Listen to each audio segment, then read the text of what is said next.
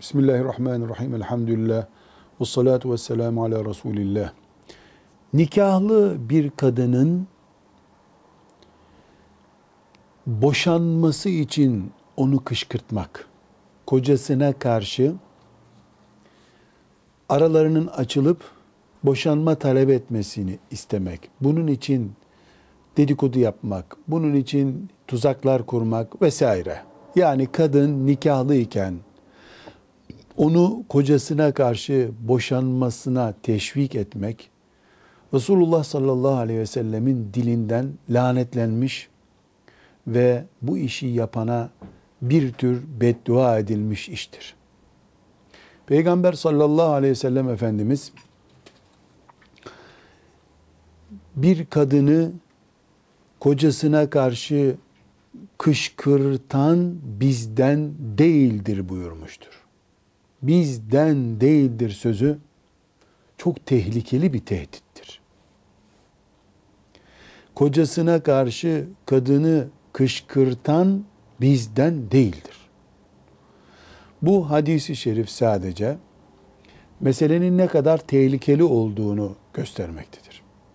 Eğer A isimli bir şahıs kadını kocasından boşansın diye kışkırtır. Bunu da becerir.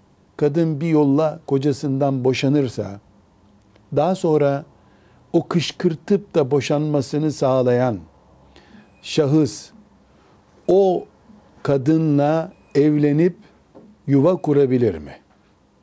Hem kışkırttı, boşandırdı hem de şimdi onunla evlenmek istiyor.